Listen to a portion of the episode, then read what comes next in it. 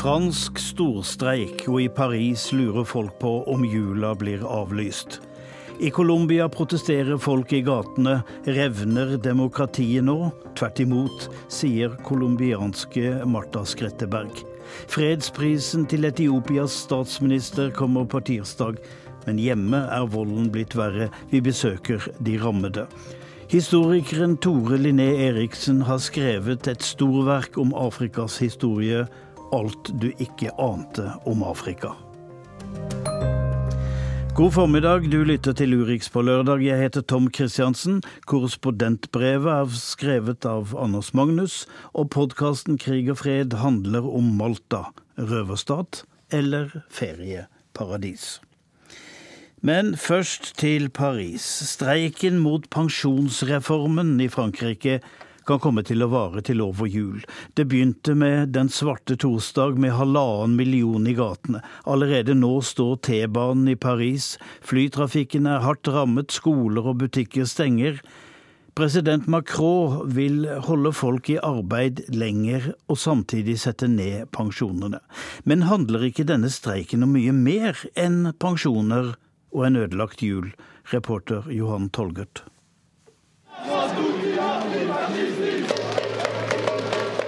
Pour Noël, vous voyez que la grève va continuer euh, J'espère. Marie-José hoppas att strejken kommer att vara över jul. Julegaver kommer i andra hand. Pensionsreformen måste bort, menar hon. Marie-José, tidigare lärare, och maken Jean, före detta ingenjör, är numera pensionärer. De förlorar inget på strejken eftersom de inte är borta från arbetsplatsen. Och en fransk pension är hyfsat bra än så länge, säger de. Det är våra fyra döttrar och de yngre generationerna som blir de stora förlorarna i och med pensionsreformen, säger de. On n'est pas riche, mais on n'a pas de soucis financiers. On a quatre filles qui, où elles vont perdre au niveau de la retraite. En undersökning från 2017 gjord av EUs statistiska organ Eurostat visar att franska pensionärer har minst risk för att bli fattiga. President Macron vill dock ändra på det franska pensionssystemet då det motsvarar 14 procent av landets bruttonationalprodukt. Det anses vara för dyrt. Det är tänkt att pensionen i framtiden ska tjänas in som poäng baserade på arbetsinkomst och antal arbetade år. Enligt forskare kan arbetslösa och kvinnor förlora hårt på det här. Och det möts alltså av protester. Oroligheterna har gått så langt at mange innvånere nå hamstrar mat i butikkene. Jag har flere vänner som kjøper alle mulige basvarer.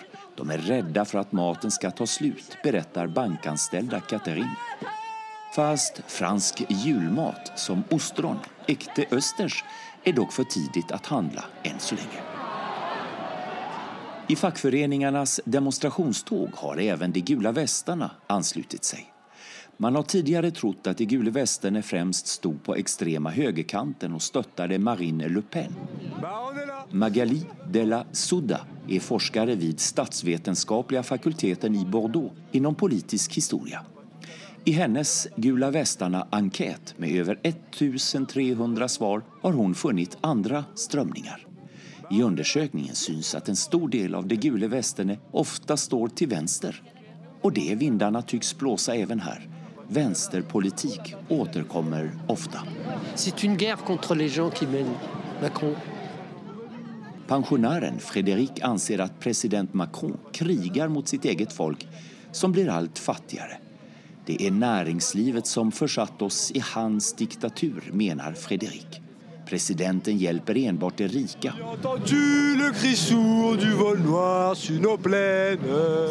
Unge Jules sjunger en fransk motståndssång kjent blant antinazister under andre verdenskriget. Han mener at alle måste være med og stoppe president Macron.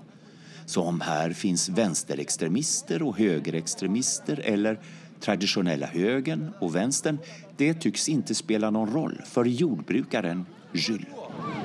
Ça réunit l'extrême gauche, l'extrême droite, la droite, la gauche. Fyrabarnspappan Maxim korsar den livliga Parisboulevarden der over 800 000 personer drar fram. Han er ikke redd, men han holder koncentrerat två barn med ene handen. Et barn sitter på axlarna og en baby sover i barnvagnen. On est pris en otage, effectivement. Euh, les écoles sont fermées. Det kjennes som om vi ikke-demonstranter blivit fångar i streiken. Protestskrikene runger i flere land, og vi skal til Colombia, for der er fredsprosessen skjør. Men folk flest tar til gatene nå og krever bedre vilkår. Kanskje er det bra. Det tror Marta Rubiano Skretteberg, som leder hjelpeorganisasjonen Caritas. Hun er født og oppvokst i Colombia. Hun ser et folk som mobiliserer, og det på fredelig vis. Øystein Heggen har lagd denne reportasjen.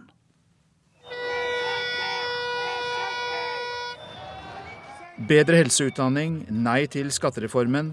Vi er skvadronen mot kunnskapsløshet. Det var bare noen av slagordene i massedemonstrasjonen i Bogotá denne uka. Protesten har pågått i flere uker i Colombia. Studenten Sebastian krever bedre helsevesen og utdanning.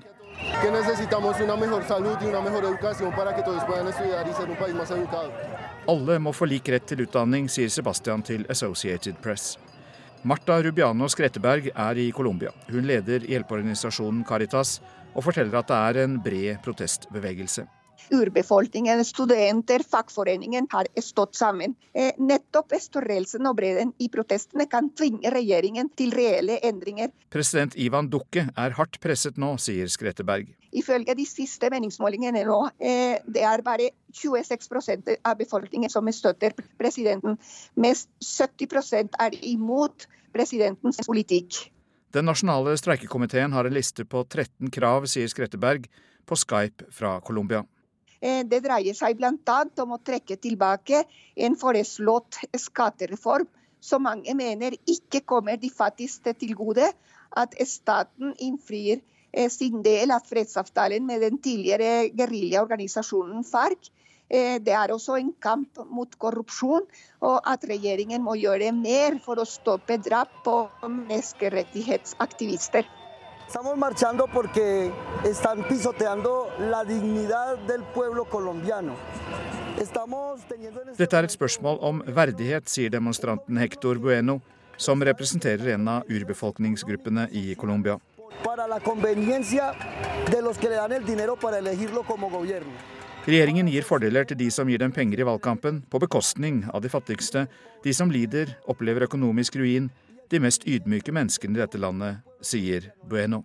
Ante clamor colombiano, ante la necesidad de que el país inicie una tranquila, que suspendieran paro del 4 nå trenger vi å gå inn i en fredfylt jul, ikke denne støyen, sa regjeringens talsmann Diego Molano før demonstrasjonene onsdag denne uka.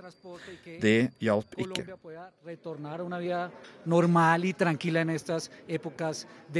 Por supuesto, hacemos esta declaración con el objetivo men vi er åpne, vi vil ha dialog, vi vil forhandle, sier Bueno på vegne av regjeringen. Frem til nå har ikke dialogmøtene gitt konkrete resultater. Og situasjonen nå er eh, sånn at de skal møtes igjen 10.12. Eh, men de som leder streiken, har sagt at demonstrasjonene vil fortsette i helgen. Marta Rubiano Skretteberg, som selv er fra Colombia, sier det ligger dyp og langvarig ulikhet og urettferdighet bak det som nå skjer mellom eliten, eh, de som har hatt mange privilegier i landet og har hatt tilgang til store jordområder, eh, versus de som faller utenfor. Eh, de fattigste det er bl.a. urbefolkningen og afrocolombianere, som i mange år gjennom colombiansk historie har blitt ekskludert fra det colombianske samfunn. Fredsprosessen i Colombia tror Skretteberg vil fortsette, til tross for at vi har sett tilbakeslag. Og da er det vi nå ser av protester et tegn på et mer vitalt sivilsamfunn, mener hun. I en mer normal situasjon enn under den langvarige borgerkrigen som preget landet. Det som nå skjer, er et veiskille i colombiansk politikk. Det er ikke geriljaen regjeringen flykter mest nå, men det er et revitalisert samfunn som er i stand til å mobilisere på en fredelig måte.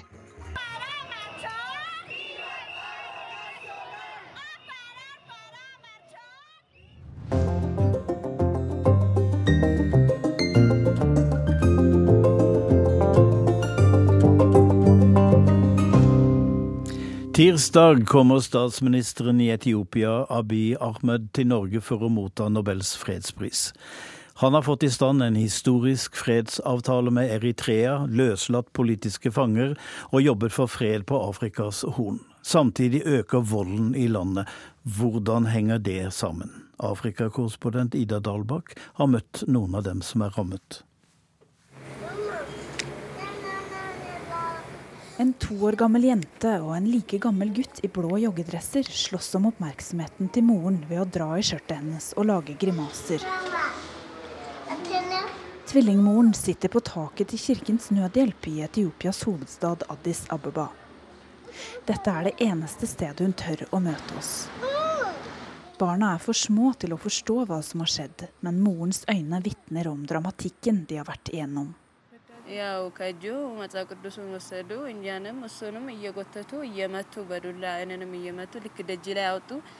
De slo meg med en stokk, og mannen min ble slått i nakken så han falt på gulvet. Etter hvert gikk de løs på mannen min med en machete mens tvillingene så på.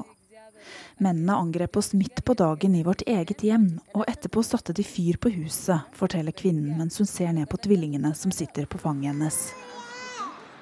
Kvinnen vil være anonym fordi hun frykter hva som kan skje dersom hun står fram.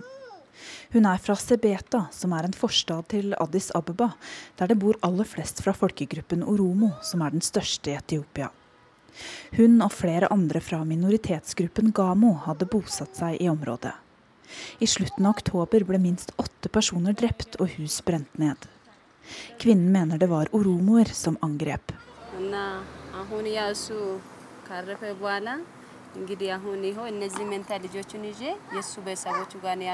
Nå bor jeg hos familien til mannen min som var prest. Jeg har fått nye klær til tvillingene av dem. Men jeg vet ikke hvordan jeg skal kunne fortsette, og hvordan framtiden blir etter at jeg mistet mannen min, sier hun. The Norwegian Nobel Committee has decided to award the Nobel Peace Prize for 2019 to Ethiopian Prime Minister Abiy Ahmed Ali. Årets fredsprisvinner ble statsminister for halvannet år siden, og i løpet av den tiden har han signert en fredsavtale med Eritrea, løslatt politiske fanger og gjort Etiopia til et langt mer åpent samfunn. Samtidig har også spenninger mellom landets over 80 folkegrupper kommet til overflaten. Etiopia har nå det største antallet internt fordrevne i verden. Rundt to millioner har måttet forlate hjemmene sine som følge av disse konfliktene. Glasskopper med svart te og kaffe med melk serveres på et hvitt plastbord i første etasje hos Kirkens Nødhjelp. Rundt bordet sitter tolv personer som er rammet av volden mellom etniske grupper. Det er eldre menn med lutende rygger som har mistet en sønn, og kvinner som er kledd i svart fordi ektemannen er drept. Noen er unge og andre er gamle, men de har det samme sørgmodige ansiktsuttrykket.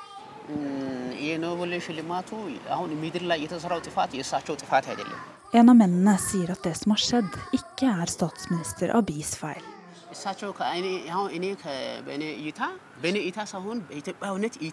Det finnes ingen som er bedre for Etiopia enn statsminister Abiy, fordi han jobber for å bygge broer både i Etiopia og med nabolandene på Afrikas Horn. Han fortjener fredsprisen, sier mannen. Etter at han har snakket ferdig om statsministeren, skimtes det for første gang håp og forsiktige smil i ansiktene til menneskene rundt plastbordet.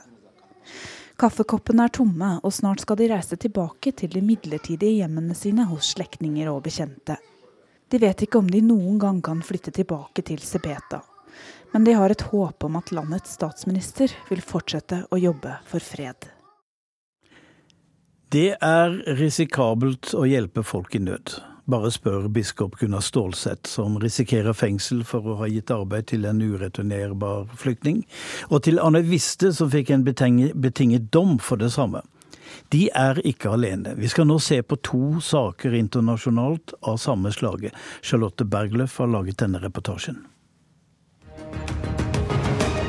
Carola Racketa was arrested on Saturday when she docked after spending two weeks in international waters. A federal criminal trial in Tucson is catching national attention. The defense claims Dr. Scott Warren had no intention of harboring or concealing Den tyske naturkonservatoren Carola Rakete styrte søk- og redningsskipet Sea-Watch 3 rett inn i en politisk storm i sommer, da hun klappet til kai i Italia.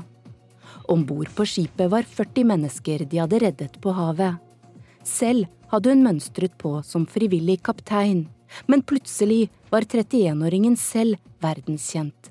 Pågrepet og arrestert, mistenkt for å ha lagt til rette for illegal migrasjon og motsatt seg italiensk lov. Hun risikerer nå ti års fengsel. Samtidig, i USA, var kameraene rettet mot geologen Scott Warren, som risikerte 20 års fengsel. Den 36 år gamle amerikaneren er frivillig i organisasjonen No More Deaths, ingen flere dødsfall, som setter ut vann og mat i ørkenen i Arizona, der mange som krysser grensen fra Mexico dør på grunn av de tøffe forholdene. Warren ble arrestert i januar 2018 på en av vannpostene til organisasjonen i ørkenen, tiltalt for å ha blant annet gitt husly til to migranter som grensevaktene pågrep samme sted. Siden jeg ble arrestert i januar 2018, har minst 88 personer blitt funnet døde i Aho-korridoren i ørkenen i Arizona. Vi vet at det ligger flere døde der ute som ikke er blitt funnet, sa Scott Warren til pressen i sommer. Regjeringens plan midt i denne humanitære krisen er å gå etter udokumenterte personer, flyktninger og deres familier. Og rettsforfølge for å kriminalisere humanitær hjelp, godhet og solidaritet fortsatte Scott Warren. Scott Warren og Carola Rakete er to av en rekke mennesker verden rundt som bruker fritiden sin på hjelpearbeid i håp om å redde liv, under det de beskriver som en humanitær krise ved internasjonale grenser. Å dokumentere tragedien som utspiller seg, står også sentralt i arbeidet, da de mener myndighetene ikke lenger tar sitt ansvar på alvor. Carola Rakete har engasjert seg i Middelhavet, som anses som det farligste krysningspunktet, mens Scott Warren er aktiv på grensen mellom Mexico og USA. Nå kjemper de ikke lenger bare for å redde liv, men mot kriminaliseringen av hjelpearbeidet de gjør. You said as a German, we have a special question to ask ourselves. What would I have done in the 1930s? When you Som tysk er det spesielt et spørsmål som er viktig for Carola Rakete. I think for many German people that is a question they do ask themselves. What would I have done in those terrible, terrible times? Would I have been a person who would have followed the orders, or would I have done the moral right thing? Jeg tror at det er et spørsmål som er viktig for mange tyskere. Hva ville jeg ha gjort under de forferdelige tidene? Ville jeg ha fulgt ordre, eller ville jeg ha gjort det moralsk rette? Heldigvis er det ikke i denne sammenheng et stort valg, fordi internasjonale lover og det moralsk riktige er akkurat det samme. The international law and the morally right thing are exactly the same thing. Carola Rakete venter nå på at det italienske rettssystemet skal behandle saken mot henne.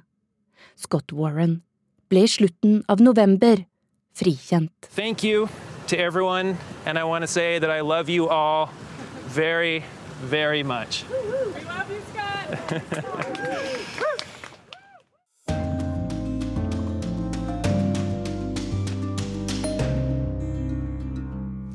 Forbløffet har jeg bladd i historieverket til Tore Linné Eriksen om Afrika. Alt jeg ikke ante noe om.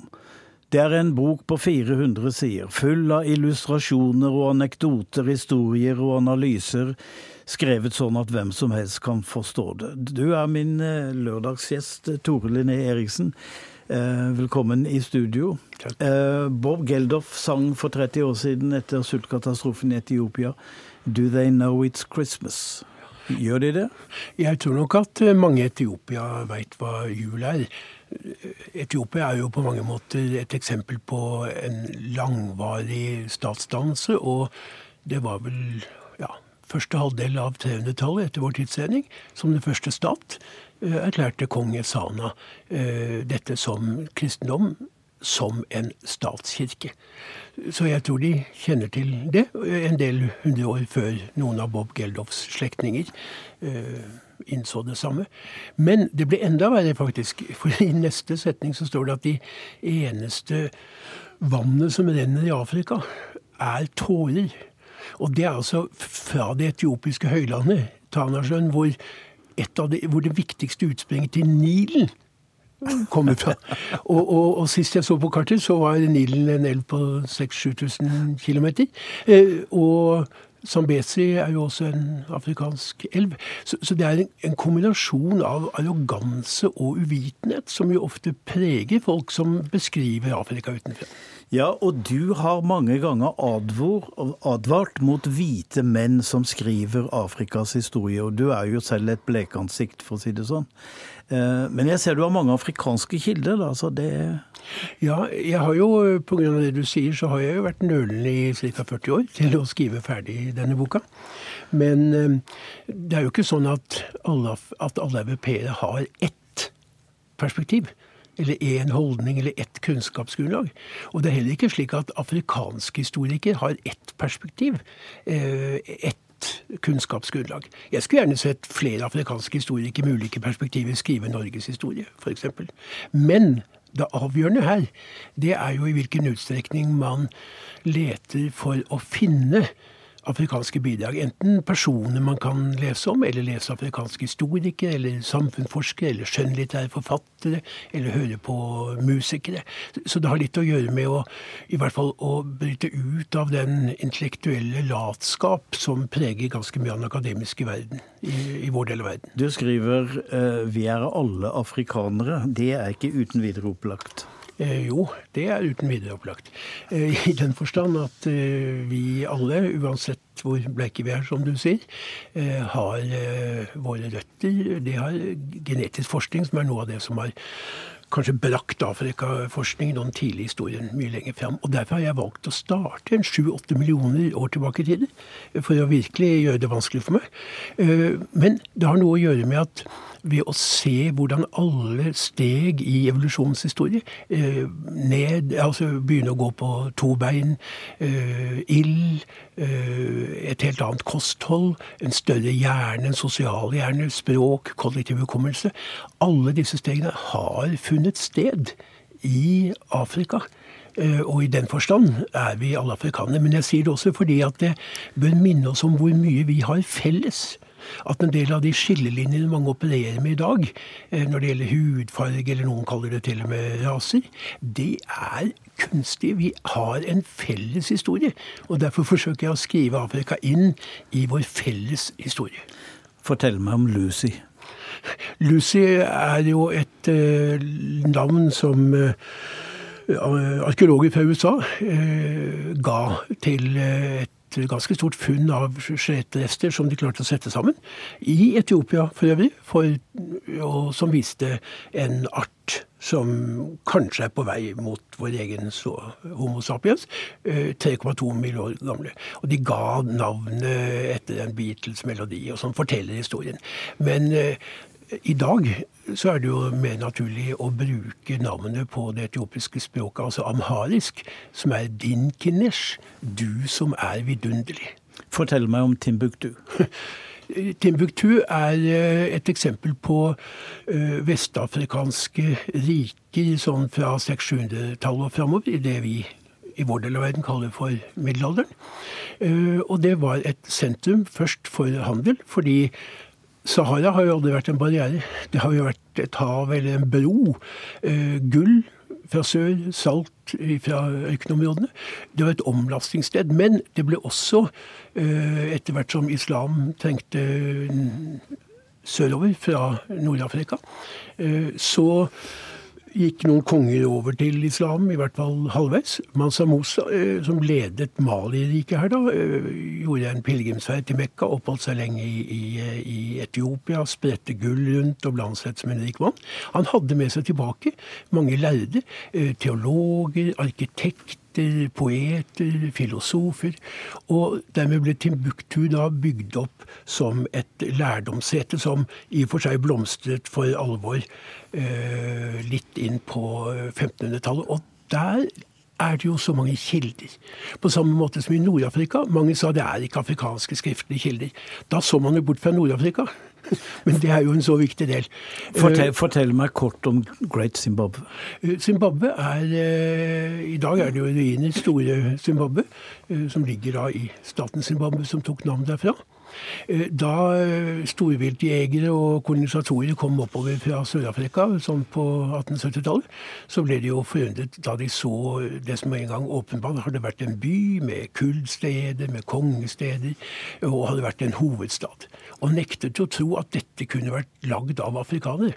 Det måtte være noe som kom utenfra, altså enten fra verdensrommet eller eh, dronningen av Saba, kong Salomo og sånn. Men i dag vet jo alle at dette er Shona-folket som har bygd og utviklet.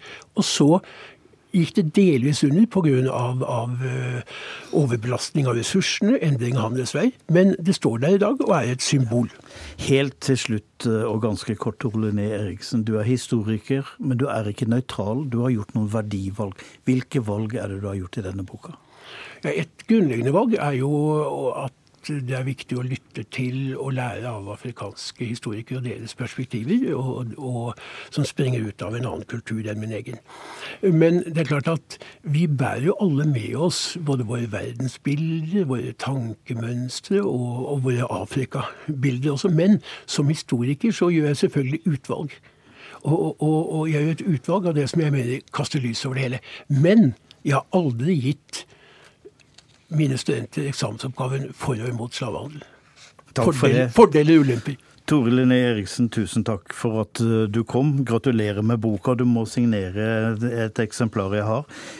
Vi skal videre til korrespondentbrevet som denne lørdag kommer fra Alaska, der vår eh, korrespondent Anders Magnus har opplevd underlige ting. Som eksplosjoner på isen og beinrester fra utdødde mammuter artig, men først og fremst skremmende. Jeg har vært i nærkontakt med klimaendringene. De brant i ansiktet. På en frossen innsjø i Alaska vandret jeg rundt for å lete etter ildsfarlig gass som hadde boblet opp fra sjøbunnen. Vi fant den i små lommer under den blanke overflaten. Isen ble hakket opp, og så tente vi på. Gassen eksploderte som en ildkule mot himmelen. Et surrealistisk syn med flammene som slikker seg gjennom blank is, rett opp fra det iskalde vannet. Jeg jublet begeistret, vi hadde funnet det vi jaktet på, metangass. Men egentlig burde jeg heller gråte. Den brennende gassen er svært dårlige nyheter. For klimaet, for kloden, for framtida. Vi dro til Alaska for å sjekke ut klimaendringene. Global oppvarming, Litt underlig kanskje å lande i Fairbanks, hvor det da var 20 minusgrader og snø. De som bor der, midt inne i delstaten, syntes det var litt lunkent for årstiden. Ikke kaldt nok til å holde den frosne undergrunnen ved like etter en svært varm sommer og høst. De fortalte oss at det skjer noe alvorlig under snø og skog. Permafrosten forsvinner. Over hele Nordkalotten er det minusgrader langt under overflaten. Permanent frossen jord, stein og is. Permafrost kalles det. Om sommeren klarer sola å tine et par meter ned i bakken. Nok til at skog og planter kan overleve. Men fordi jordkloden har blitt varmere, skjer det endringer i de arktiske områdene. De varmes opp raskere enn resten av verden. Resultatet er at permafrosten tiner. For å finne ut hvordan permafrosten ser ut, fikk vi være med inn under bakken. Inn i en tunnel som opprinnelig ble gravet ut for å undersøke om man kunne lagre atomvåpen her. Midt under den kalde krigen på 1960-tallet tenkte man at permanent frossen jord var stabile greier. Det ble aldri noe av atombombelagringen, og godt var det. For nå tiner altså permafrosten. Definisjonen på permafrost er jord, grus og fjell som har vært frossen i minst to år sammenhengende. Men her inne i tunnelen har grunnen holdt permanente minusgrader i titusener av år. Derfor stikker det ut veldig gamle ting fra veggen. Bein fra utdødde bisonarter og godt bevarte støttenner fra fordums mammuter. Du vet, de svære, hårete elefantene som bodde oppunder Arktis i steinalderen. Noe av det jeg syntes var mest fascinerende, var synet av grastuster som døde for 15 000 år siden. De har fortsatt grønne, frosne blad. Overalt var det masse røtter, greiner og gras inni det frosne jordlaget. Når permafrosten tiner, brytes dette organiske materialet ned og omdannes til metangass og CO2. Gasser som etter hvert skiver ut i lufta og blir en del av vår atmosfære. Når grunnen tiner, synker den også sammen. Permafrosten er ikke likt fordelt under bakken, og tiner heller ikke like mye overalt. Det fører til at en del av veiene hvert eneste år ser ut som berg-og-dal-baner. Om sommeren blir de rettet ut, før de igjen bølger seg når mer permafrost tiner. Verre er det med husene, når grunnen forsvinner under det ene hjørnet, men ikke det andre. Da blir det så skeivt og skakt at det ser ut som svære troll har kastet bygningen ut på marka. Mange av bolighusene i Fairbanks-området har blitt forlatt. Det var ikke mulig å bo der lenger når gulvet ble presset for langt ut på skråplanet. Vi traff en kar som fortsatt klamrer seg fast til sitt skeive hus. Døra til do kan han ikke lenger lukke. Skapene og skapdørene på kjøkkenet er ikke enige om hva som er vannrett, og spriker i hver sin retning. Langs tak og vinduer er det foruroligende sprekker, som øker for hver dag som går. Utgangsdøra må han høvle hver måned for å kunne lukke den og holde kulda ute. Han regner ikke med å kunne bo der mer enn fem år til. Da har det blitt for skeivt og ubeboelig. David, som han heter, vet at det er klimaendringene som fører til at huset hans synker ned i bakken.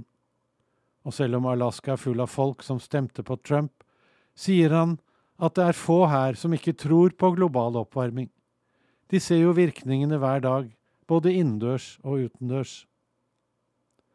Enda verre enn at hus og veier ødelegges, er all gassen som utvikles når permafrosten tiner og organisk materiale brytes ned.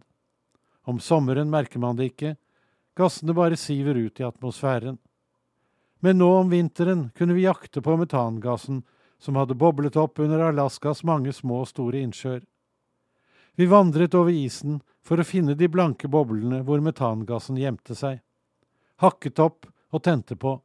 Da smalt det, og gassen eksploderte i flammer mot himmelen. Et spektakulært syn, men mest av alt var det svært foruroligende. Metangass har over 80 ganger så sterk klimaeffekt som CO2, og i permafrosten ligger det lagret 1700 milliarder tonn karbon. Det er dobbelt så mye som det allerede finnes i atmosfæren. Slippes alt dette ut i lufta, som CO2 og metan, kan det gå riktig ille. Kloden vil da varmes opp mye, mye raskere enn det vi hittil har regnet med. I Alaska snakket vi med en av verdens fremste forskere på permafrost. Han fortalte at dersom det tines i samme tempo som nå, vil all permafrost være borte i løpet av 50 år. I Alaska, i Canada, på Svalbard, på Grønland og i Sibir. Eksplosjonene over isen var illevarslende, til å få indre frysninger av der oppe i det altfor varme nordområdet. Fortsetter det slik, vil vi ikke klare å temme klimaendringene. Og så til slutt podkasten Krig og fred. Den handler om Malta. Er det ei paradisøy eller en røverstat? Dette er en krim fra Middelhavet. Det startet med egentlig at jeg så en sånn liten notis i avisa. Og så oppdaget jeg denne historien om Daphne eh, fra Malta, som var faktisk akkurat like gammel som meg selv, født samme år som meg, i 1964. En trebarnsmor som blir sprengt i lufta fordi hun har en farlig jobb. En journalist som var på sporet av noe stort, ble myrda. Blåst i lufta av ei bilbombe. En forretningsmann sitter i fengsel. Han prøvde å rømme landet i yachten sin. Og statsministeren sier han skal gå av. Flere av hans folk er mistenkt for å ha noe med drapet å gjøre. Og nå har folk flest fått nok. De går ut i gatene kveld etter kveld og roper mafia og mordere til politikerne sine. Malta er jo egentlig en liten ferieidyll i Middelhavet. Men er det også en reinspikka røverstat? Du hører på Krig og fred med Tove Bjørgaas og Tore Moland. Li ġej se nkun qed intelqu proċess biex pajjiżna jkollu Prim Ministru ġdid. Mona Myklebust, hva tenkte du da du så at statsministeren på Malta gikk av som følge av denne saken? Da tenkte jeg at nå skjer det noe. Nå endelig får folk på Malta se at det nytter å si ifra, for de har i to år kanskje vært litt få som har prøvd å si ifra at de krever eh, rettferdighet og at de krever gransking av dette drapet. Men eh, jeg tenkte at nå tror jeg at det kommer til å skje ting, og jeg tror og håper at de kanskje kan få tatt de som står bak også. Jeg heter Mona Myklebust, og jeg er journalist i NRK i avdelingen for dokumentar og samfunn.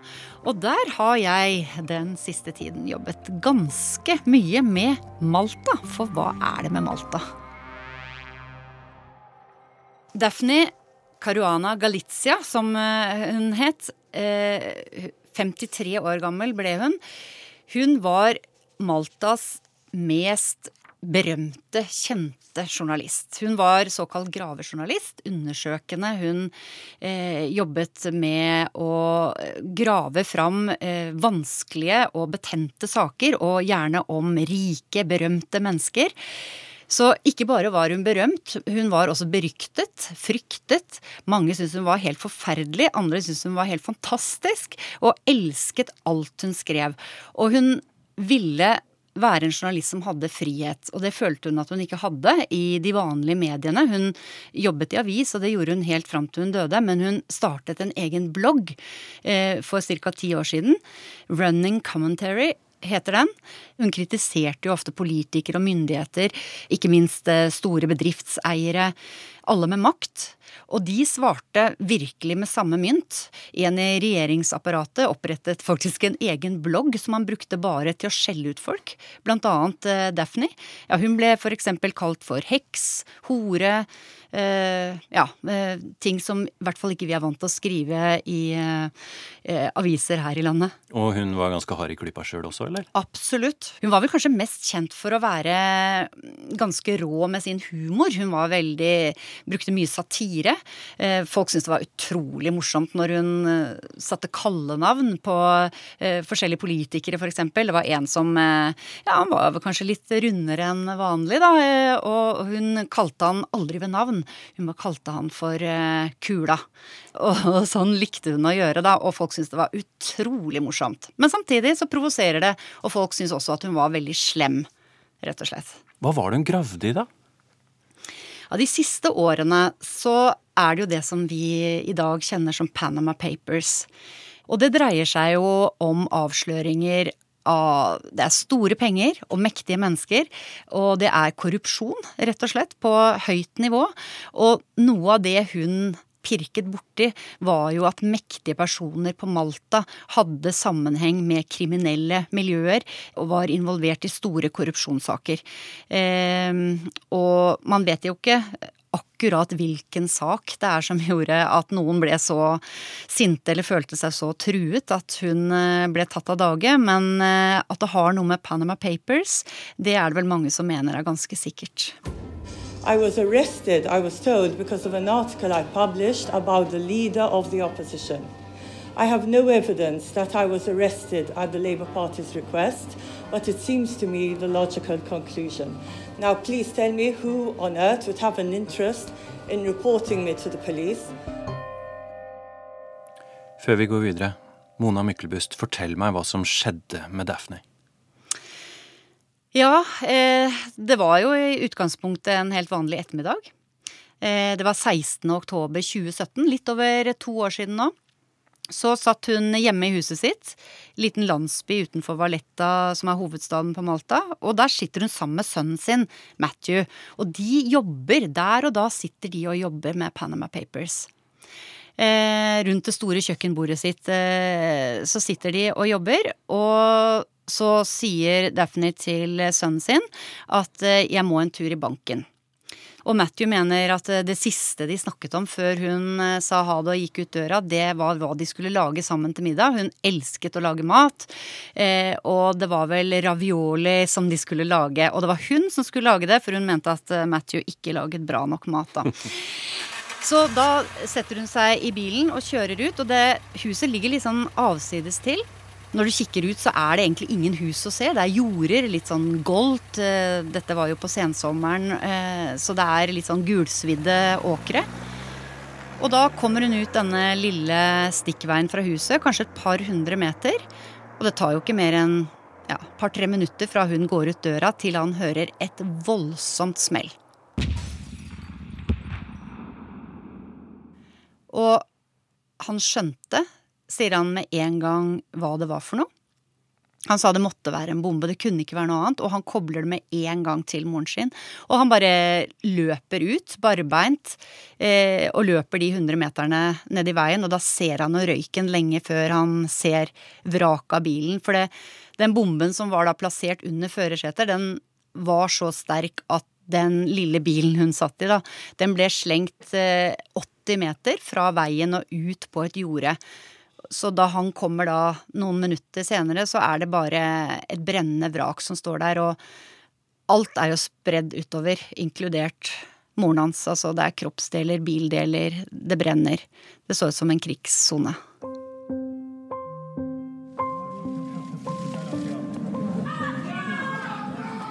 I am ready. I am ready and determined to do everything for, for the truth to come out. Jeg vil gjøre alt jeg kan for at sannheten skal komme for en dag, sier forretningsmannen med glattbarbert hode og en sigarett mellom fingrene. Men vil han egentlig det? Jurgen Fennek er mannen som forsøkte å rømme fra Malta i yachten sin, men som ble stansa av kystvakta. Siden har han blitt fengsla og sluppet fri fire ganger.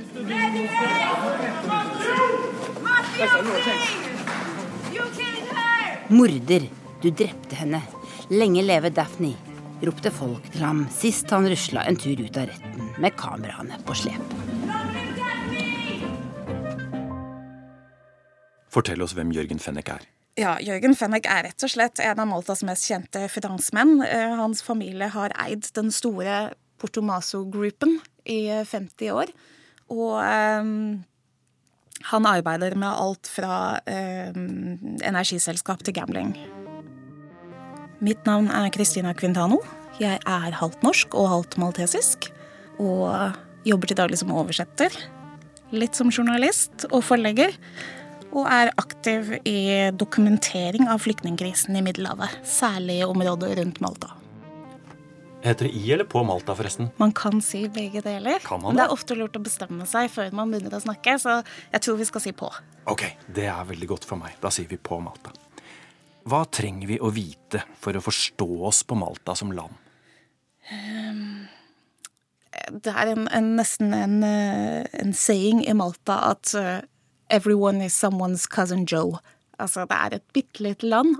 Alle kjenner alle. Og det vil jo si at i et land som er så lite, så skal det godt gjøres helt på ordentlig at ikke noen er gift med fetteren til noen eller kjenner noen, og det er helt vanlig at man får eh, jobb eller andre goder fordi man eh, kjenner noen. Så derfor så er jo også dette med eh, Det er ikke noe rart i at man f.eks. har ansatt eh, noen man kjenner som stabssjef, eller at ministre kjenner hverandre både på privaten og Fordi det er så lite, rett og slett? Ja. Men hva betyr det? At de ikke trenger å være korrupte av den grunn, eller at det bare at korrupsjonen er så så utbredt at alle aksepterer at den fins? Jeg tror nok eh, korrupsjonen er så utbredt at man aksepterer at den fins. Men eh, på mange måter så var korrupsjonen også enda verre eh, på 80- og 90-tallet. Sånn at Malta har alltid vært et ganske korrupt land. Men det er et europeisk land. Vi er ikke vant til at journalister blåses til himmels, og at statsministre må gå av pga. det. Nei, dette er, uh, uvan dette er veldig uvanlig uh, på Malta. Men uh, det som er spesielt, er at drapet på Daphne Caruana Galizia markerer den sjette bilbomben på Malta siden begynnelsen av 2016. men det er den første der offeret ikke var en kjent kriminell. Og den fjerde som endte med døden. Sånn at I begynnelsen så var man nok ganske overbevist om at dette var et drap som var utført eller bestilt av noen som hadde tilknytning til mafia, fordi bilbombe er en typisk mafiametode å, å kvitte seg med noen. Og det er jo ingen tvil om hvem som fysisk har utført det. Men, eh, men så er det jo dette som nå begynner å nøstes opp med hvem som har bestilt det. Og det er jo altså en true crime story som eh, nesten ikke ligner grisen, altså. Og som i enhver god mafiastory så begynner man med å follow the money, og så har man ballen rullende. Altså Vi har en stabssjef hos statsministeren som da kanskje kan ha sett seg tjent med at en brysom journalist eh, forsvinner. Og så har vi en forretningsmann i dress og solbriller som forsøker å flykte i yachten sin. Det høres liksom ut som House of Cards som møter Miami Vice ute i Middelhavet et sted. Ja, og, og, jeg tenker selv altså only in Malta. Dette, dette er eh, absurd eh, på lik linje som det er trist. Um, for eh, to uker siden, den 14. november, så blir altså Melvin Tugma, en taxisjåfør, arrestert på hovedflyplassen i Malta med en koffert med 170 000 euro i kontanter. Det er en sporhund som, eh, som sniffer opp denne kofferten og han blir først anklaget for hvitevasking av penger. Og så i det første avhøret så sier han at han har informasjon om drapet på Daphne, og at han vil snakke hvis han får immunitet. Og det får han? Og det får han. Og det første han gjør, er å navngi Jørgen Fennek. Jørgen Fennek er en av Maltas mest kjente finansmenn. Han eier bl.a. noe som heter Portomaso, som kan sammenlignes med vårt Tjuvholmen, eh, med kasinoer og hoteller og gambling og en svær yachthavn. Han eier også Maltas hovedenergiselskap, som har kontrakt med myndighetene. Med andre ord en sentralmann på øya. Taxisjåføren Tuma hevder at han selv var den som var mellommannen mellom Fennek og de tre som fysisk utførte drapet. Han har altså kjørt pengene frem og tilbake. På akkurat denne tiden så tilbringer Fennek noen dager på søsterøya Gozo i skjul. Eh, og først så er det meningen at han skal fraktes ut av landet i fly. Så dropper de dette, og i stedet så satser de på hans egen yacht, som da ligger i hans egen havn i Porto Maso. Så klokken fem om morgenen den 20. november er han på vei ut av havna si, og så kommer han bare noen hundre meter ut før han blir stoppet av Armed Forces of Malta og brakt inn til avhør med det samme. Dakinhar li nasel mexxej ġdid tal-Partit Laburista jien mbagħad nirreżenja minn mexxej. Jeg skal gå av som statsminister i januar. Arbeiderpartiet må bare få tid til å velge en ny leder først, sier Joseph Muscat. En gang var han en stigende politisk stjerne, både på Malta og i EU. Nå er stabssjefen og flere av statsrådene hans mistenkte i en mordsak. Muscat må gå. Om han ikke går frivillig, kommer han til å bli tvunget til det, sier Corinne Vella, som er søstera til Daphne, den drepte gravejournalisten. Hva med denne statsminister Josef Muscat, som da nå har eh, kunngjort at han eh, vil gå av i januar? Ville Daphne Caruana Galicia sett på det som en seier? Ja, hun ville sett på det som en seier, og øh, hun, hun øh, mislikte sterkt både Joseph Muscat og hans kone Michelle, og har de siste årene nøstet opp flere og flere selskaper eh, hvor hun har knyttet ulike selskaper til eh, både statsministeren og hans kone. Nå er det uvisst hvor mye hold det er i akkurat dette, for det er jo en del av etterforskningen. Men, eh, men hun var jo den første på Malta som skrev om Panama Papers allerede i 2016, og linket disse tett på både statsminister Joseph Muscat og hans kone. det er veldig viktig å, mm, å, plassere hvem denne Joseph Muscat var for uh, Labour Party. Fordi han er um, fortsatt i, i, dag en godt likt statsminister. Han kom inn som et friskt pust med løfter om uh, å jobbe mot korrupsjon. Samtidig så er det jo da folk, hans stabssjef og nære folk i hans krets, som mistenkes for å ha vært involvert i dette drapet og ha beordra det. Hvor høyt opp tror du det har gått? Det er utrolig viktig eh, først å understreke at Joseph Muscat ikke er beskyldt for å ha bestilt dette drapet. Sånn at på det nåværende tidspunkt så vet man ikke hvor mye han har visst, og i hvilken grad han har beskyttet sin stabssjef og sine ministre eh, bevisst, eller bare unngått å be dem om å gå Um, nå har han sagt at han vil tre av i midten av januar, og at det er en naturlig og nødvendig prosess for å ha tid til å velge en ny partileder. Men um, jeg vet ikke. Min personlige magefølelse velger fortsatt å tro at dette ikke er uh, et, et, drap Joseph Muscat verken uh, ville ha ønsket seg. Han uh, var en ung, eller er, en ung statsminister. Han er i midten av 40-årene. Han har hatt store og høye ambisjoner for seg selv. Han ville videre i politikken. Eh, og han sier jo selv at dette er det verste som kunne skjedd på hans vakt. Altså, Ingen statsministre ønsker seg en død gravejournalist. This is not just between the Prime Minister and the Maltese people. This is also between Malta and the European Union. Dette handler om tillit. Ikke bare mellom statsministeren og folket på Malta, men også mellom Malta og EU. Det sier den nederlandske europaparlamentarikeren Sophie Intvelt. Hun leder en delegasjon fra EU som har reist til Malta denne uka for å undersøke hvordan det egentlig står til med rettsvesenet på øya. Og hun har ikke fått noe mer tillit til statsminister Muscat etter å ha møtt ham.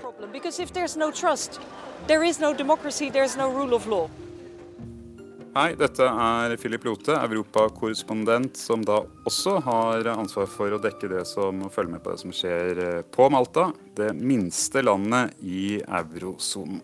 Philip Lote, du sitter i Brussel. Kan jeg spørre deg, hva slags inntrykk har resten av EU av hva slags land Malta er? Malta er et uh, bitte lite øyrike i Middelhavet. Nesten en litt sånn eksotisk uh, flekk på EU-kartet. De er glad i Malta fordi det er litt annerledes. de er 425 000 innbyggere med forholdsvis høy inntekt. De har slått seg opp på ting som online bet eh, filminnspilling, Game of Thrones er spilt inn på, på, Malta. Poteter er en viktig eksportvare, og da er det særlig tyskerne som er glad i maltesiske poteter. Så det blir nok sett på som det litt odde landet, et land som er hyggelig å besøke, som har, lever av turisme, og som stort sett har omfavnet alt som har med EU å gjøre, men samtidig er under kritikk for Eh, både korrupsjon, skatteunndragelse og også type at de selger statsborgerskap til eh, folk utenfra EU som ønsker seg et EU-statsborgerskap. Eh, e så, så, det er et land som er for så vidt godt likt, men som ikke har et helt enkelt renommé. Hopefully we'll be able to clear our name again. We have a very bad name for ourselves, like on the news, especially internationally. Malta er i ferd med å få et dårlig rykte for nå er denne saken alt folk hører om ute i verden. Vi må renvaske ryktet vårt, sier 21 år gamle Erika.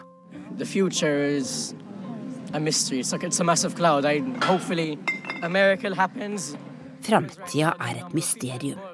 Forsvunnet i en mørk sky, sier Malcolm, som er student og 19 år gammel.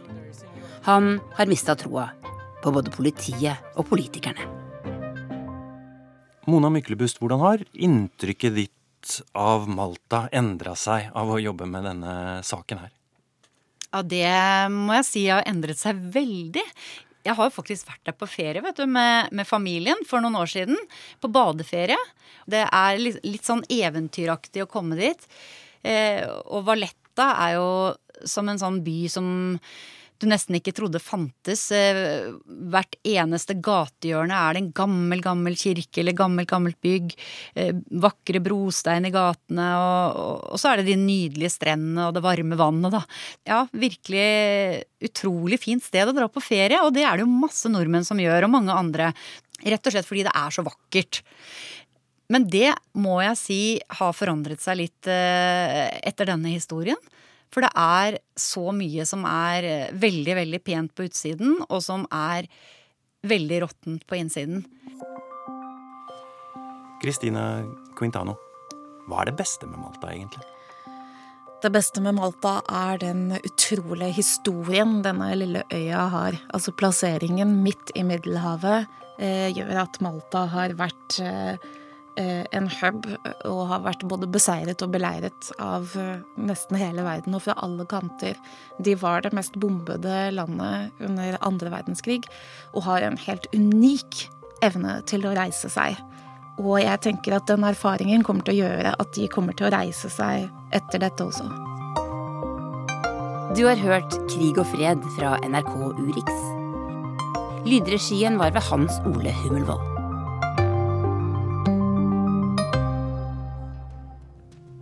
Urix på lørdag setter strek. Teknisk ansvarlig Finn Lie, produsent Tonje Grimstad. Og jeg heter Tom Kristiansen.